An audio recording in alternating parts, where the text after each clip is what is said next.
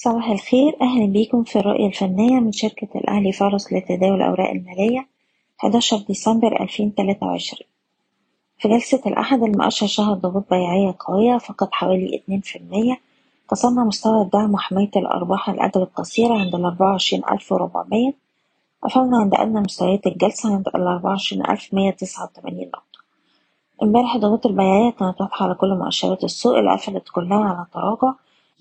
وشفنا امبارح كتير من الأسهم بتكسر مستويات دعم عامة خاصة في قطاع البتروكيماوية وبالتالي بعد كسر مستوى الأربعة وعشرين ألف وربعمية المؤشر معرض إنه يشهد مزيد من الضغوط البيعية ومستويات الدعم التالية هتكون حوالين تلاتة وعشرين ألف وسبعمية ويلي مستوى التلاتة وعشرين ألف نقطة.